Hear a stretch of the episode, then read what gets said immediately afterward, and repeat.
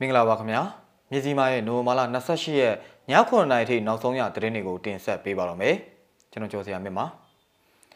မတူပီမြို့မှာရှိတဲ့စစ်တပ်ကအယက်သားကုံကား၃စီးကိုချောဆွဲထားကြောင်းဒေသကာကွယ်ရေးတပ်ပြောတဲ့တဲ့အမွေပြက်ဆွန့်လွတ်တဲ့ကိစ္စစစ်ကောင်စီကဆွတ်ဖက်ရန်မလိုကြောင်းနိုင်ငံရေးလေးလာသူတွေပြောတဲ့တဲ့ရေစကြိုမြို့နယ်မှာစစ်ကောင်စီတပ်ဖွဲ့နဲ့ဒေသခံကာကွယ်ရေးတပ်ဖွဲ့တို့ထိတွေ့တိုက်ပွဲဖြစ်ပွားတဲ့တဲ့နဲ့ ထိုင်းနိုင်ငံမှာကရန်မျိုးသမီးတူအာရမပြုတ်ကျင့်ခံရမှုအပေါ်တရားမျှတမှုရရှိရေးမြန်မာတန်ယုံရှိဆန္ဒထုတ်ဖော်တောင်းဆိုတဲ့တဲ့အစရှိတဲ့တဲ့တွေကိုတင်ဆက်ပေးသွားတော့မှာဖြစ်ပါတယ်ခင်ဗျာပထမဆုံးသတင်းတစ်ပုဒ်အနေနဲ့မတူပီမြို့မှာရှိတဲ့စစ်တပ်ကအယက်သားကုံကား၃စီးကိုချောဆွဲထားကြောင်းဒေသကာကွယ်ရေးတပ်ပြောတဲ့သတင်းကိုတင်ဆက်ပေးပါမယ်။ချင်းပြည်နယ်မတူပီမြို့မှာရှိတဲ့အမှတ်140တပ်ရင်းအာနာသိန်းစစ်တပ်ကအရက်သားကုံတင်ကား၃စီးကိုအာရမခိုင်းစီဖို့ခေါ်ယူထားတယ်လို့ မတူပီမြို့ဒေသကာကွယ်ရေးတပ်တပ်ရင်းနှင့်ပြန်ကြားရေးတာဝန်ခံကမျက်စိမှောက်ကိုပြောပါတယ်။လက်ရှိမင်းတပ်မြို့ကိုရောက်ရှိနေတဲ့စစ်ကောင်စီတပ်ရင်းနှစ်ခုဟာမင်းတပ်မြို့ကနေမတူပီမြို့ကိုလာမရဖြစ်နေတာကြောင့်အဆိုပါတပ်ရင်းနှစ်ခုမတူပီမြို့ကိုလာရန်မင်းတပ်မတူပီကားလမ်းကိုမိုင်းရှင်းလင်းတဲ့အနေနဲ့ကုန်တင်ငါးတွေကိုရှေ့ပြေးသွားခိုင်းဖို့ချောဆွဲထားတာဖြစ်တယ်လို့၎င်းကပြောပါတယ်။မင်းတပ်မတူပီလမ်းကိုသူတို့ကဘာလို့ဖြတ်ခိုင်းလဲဆိုတော့မင်းတပ်မှာတပ်မ55နဲ့80ခွန်ဆိုတဲ့တပ်ရင်းနှစ်ခုရှိတယ်။ မင်းတပ်မှာရောက်နေတာကြာပြီ။ဒါပေမဲ့သူတို့ကမတူပီကိုလာလို့မရဘူး။လမ်းပိုင်းမှာသူတို့အတွက်မိုင်းအန်ရရှိတယ်။ဘယ်နေရာမှာမိုင်းရှိလဲဆိုတာသူတို့မသိဘူး။မသိတော့မတူပီကိုမလာရဲဘူး။အဲ့ဒီတပ်ရင်းနှစ်ခုမတူပီမြို့ကိုလာဖို့လမ်းကြောင်းရှင်းတဲ့အနေနဲ့ ကုံကားတွေကိုတွားခိုင်းတာဘလို့ပြောရမလဲတစားကန်လောက်တာပါလို့ CDF မတူပီမြို့တပ်ရင်းနှစ်ပြန်ကြားရေးတာဝန်ခံကပြောပါတယ်မတူပီမြို့အမှတ်140တပ်ရင်းတွင်ချောဆွဲခံရတဲ့ကုန်တင်ကားတွေဟာမင်းတပ်မတူပီကားလန်တိုင်းစစ်ကောင်စီတပ်ရဲ့အတင်းအဓမ္မခိုင်းစေမှုတွေကြောင့်မောင်းနှင်ရပါကကားသမားတွေရဲ့လုံခြုံရေးကိုတာဝန်ယူပေးဖို့ CDF မတူပီက CDF မင်းတပ်တပ်ဖွဲ့ထံဆက်တွယ်အကြောင်းကြားထားတယ်လို့လည်းသိရပါတယ်။ မတူပီမြို့အမှတ်140တရင်အတွက်ရိတ်ခါတွေကိုစစ်ကောင်စီတပ်ကကုံကားတွေနဲ့အရတားပစ္စည်းတစ်ဖွဲ့ဟာခမတူပီကားလန်တိုင်းတည်ယူလေးရှိနေပြီးအဲ့ဒီကုံကားတွေကို CDF မတူပီတပ်ဖွဲ့ဝင်တွေကတားကြီးစစ်ဆေးကရိတ်ခါတွေကိုဖျက်တောက်ထားတယ်လို့သိရပါတယ်။ယခုတစ်ပတ်အတွင်းဟာခမတူပီကားလန်တိုင်းစစ်ကောင်စီတပ်ရဲ့ရိတ်ခါတင်ဆောင်လာတဲ့ကုန်တင်ကားလေးစီးကိုဖမ်းဆီးရမိထားပြီးငွေကျပ်သိန်း60ကျော်ခန့်တန်ဖိုးရှိတယ်လို့ဒေသကာကွယ်ရေးတပ်ကပြောပါတယ်။ ကားသမားတွေကိုတော့နောက်နောက်စစ်ကောင်စီတပ်အတွက်ရိတ်ခါတွေကိုတည်ယူတင်ဆောင်လာခြင်းမပြုဖို့တတိပေးပြီးနောက်ပြန်လှုပ်ပေးလိုက်တယ်လို့သိရပါတယ်။အမွေပြတ်ဆွန့်လွတ်တဲ့ကိစ္စစစ်ကောင်စီကဆွတ်ဖက်ရန်မလိုကြောင်းနိုင်ငံရေးလေလာသူတွေပြောတဲ့သတင်းကိုဆက်ပြီးတင်ဆက်ပေးပါမယ်။နိုင်ငံပိုင်သတင်းစာတွေမှာအမွေပြတ်ဆွန့်လွတ်ကြောင်းကြေညာရခြင်းဟာမိသားစုပြဿနာဖြစ်တာကြောင့်စစ်ကောင်စီကဝင်ရောက်ဆွတ်ဖက်ရမယ့်ကိစ္စမဟုတ်ဘူးလို့နိုင်ငံရေးလေလာတုံးသက်သူတွေနဲ့ရှေ့နေအချို့ကပြောပါတယ်။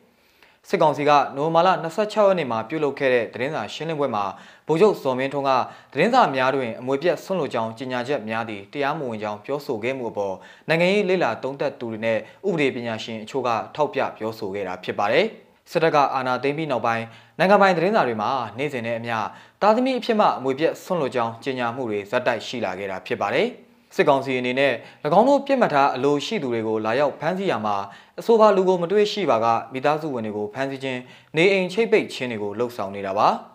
အဲ့လိုလောက်ရတွေဟာဥပဒေပေါင်းကိုကျော်လွန်လှုပ်ဆောင်နေခြင်းဖြစ်တယ်လို့တရားလွှတ်တော်ရှေ့နေတူကသုံးသပ်ပြောကြားပါတယ်။ရာဇဝတ်ကျင့်ထုံးဥပဒေအရပြစ်မှုတစ်ခုကိုကျူးလွန်လို့တိုင်ကြားခံရတယ်ဆိုရင်သူ့ကိုပဲဖမ်းဆီးစစ်ဆေးပိုင်ခွင့်ရှိပါတယ်။ အဲ့လူကိုမမိလို့သူ့မိသားစုဝင်တွေကိုဖမ်းနေဆိုတာရာဇဝတ်ကျင့်ထုံးဥပဒေမှာလည်းမရှိသလိုရဲလက်ဆွဲမှာလည်းမရှိပါဘူးလို့ပြောပါတယ်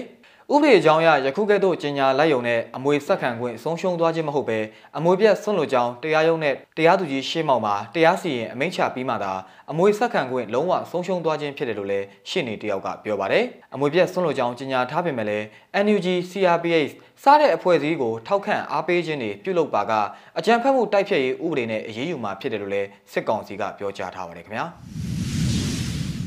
နောက်ထပ်သတင်းတစ်ပုဒ်အနေနဲ့ရေစကြိုမြို့နယ်မှာစစ်ကောင်စီတပ်ဖွဲ့နဲ့ဒေသခံကာကွယ်ရေးတပ်ဖွဲ့တို့ထိတွေ့တိုက်ပွဲဖြစ်ပွားတဲ့သတင်းကိုတင်ဆက်ပေးပါမယ်။မကွေးတိုင်းရေစကြိုမြို့နယ်တီတီစရာကျေးရွာအနီးကတောင်ပြင်တစ်လျှောက်မှာနိုဝင်ဘာလ29ရက်ညနေ4နာရီကစစ်ကောင်စီတပ်နဲ့ဒေသခံကာကွယ်ရေးတပ်ဖွဲ့တို့တိုက်ပွဲဖြစ်ပွားခဲ့တယ်လို့မြောင်မြို့နယ်ပြည်သူ့ကာကွယ်ရေးနဲ့လုံခြုံရေးအဖွဲ့ CDSOM ထံကနေသိရပါဗျ။သူတို့ကနေကင်းဘက်မှာမော်တော်ရီနဲ့တက်လာတဲ့တပ်ဖွဲ့ကအဲ့နာကရွာမှာတက်ဆွဲထားတဲ့တပ်နဲ့ပေါင်းလိုက်တာ။ အဲတောင်ပြင်မှာကင်းမုံဝင်နေကြတာတီရီစရာကြေးရွာနာကတောင်ပြင်မှာဖြစ်တာသူတို့ဘက်ကလက်နက်ကြီးတွေနဲ့ဒရဇက်ပစ်တယ်တိုက်ပွဲဖြစ်တာ2နာရီလောက်တော့ကြာတယ်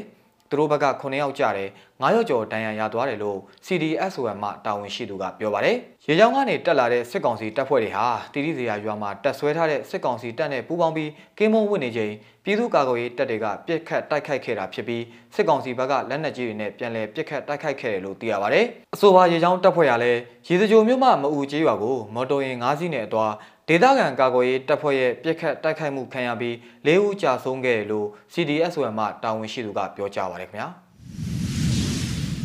နောက်ဆုံးသတင်းအနေနဲ့ထိုင်းနိုင်ငံမှာကရန်အမျိုးသမီးတဦးအာဓမပြုတ်ကျင့်ခံရမှုအပေါ်တရားမျှတမှုရရှိရေးမြန်မာတန်ယုံရှိဆန္ဒထုတ်ဖော်တဲ့သတင်းကိုတင်ဆက်ပေးပါမယ်။ထိုင်းနိုင်ငံပရာဂျင်ဘူရီခရိုင်မှာအလုပ်လုပ်နေတဲ့ကရန်မျိုးသမီးတူအတင်းအဓမ္မပြုကျင့်ခံရမှုအပေါ်တရားမျှတစွာဖြေရှင်းပေးဖို့ဒီကနေ့နိုဝင်ဘာလ28ရက်နေ့မနက်ပိုင်းကဘန်ကောက်မြို့မှာရှိတဲ့မြန်မာတန်ယုံရှိမှာမြန်မာအလုပ်သမားတွေကတွားရောက်ဆန္ဒထုတ်ဖော်တောင်းဆိုခဲ့ကြပါတယ်။ အသက်22နှစ်အရွယ်မမမြင့်ခိုင်ကိုထိုင်းနိုင်ငံသားအမျိုးသားတူက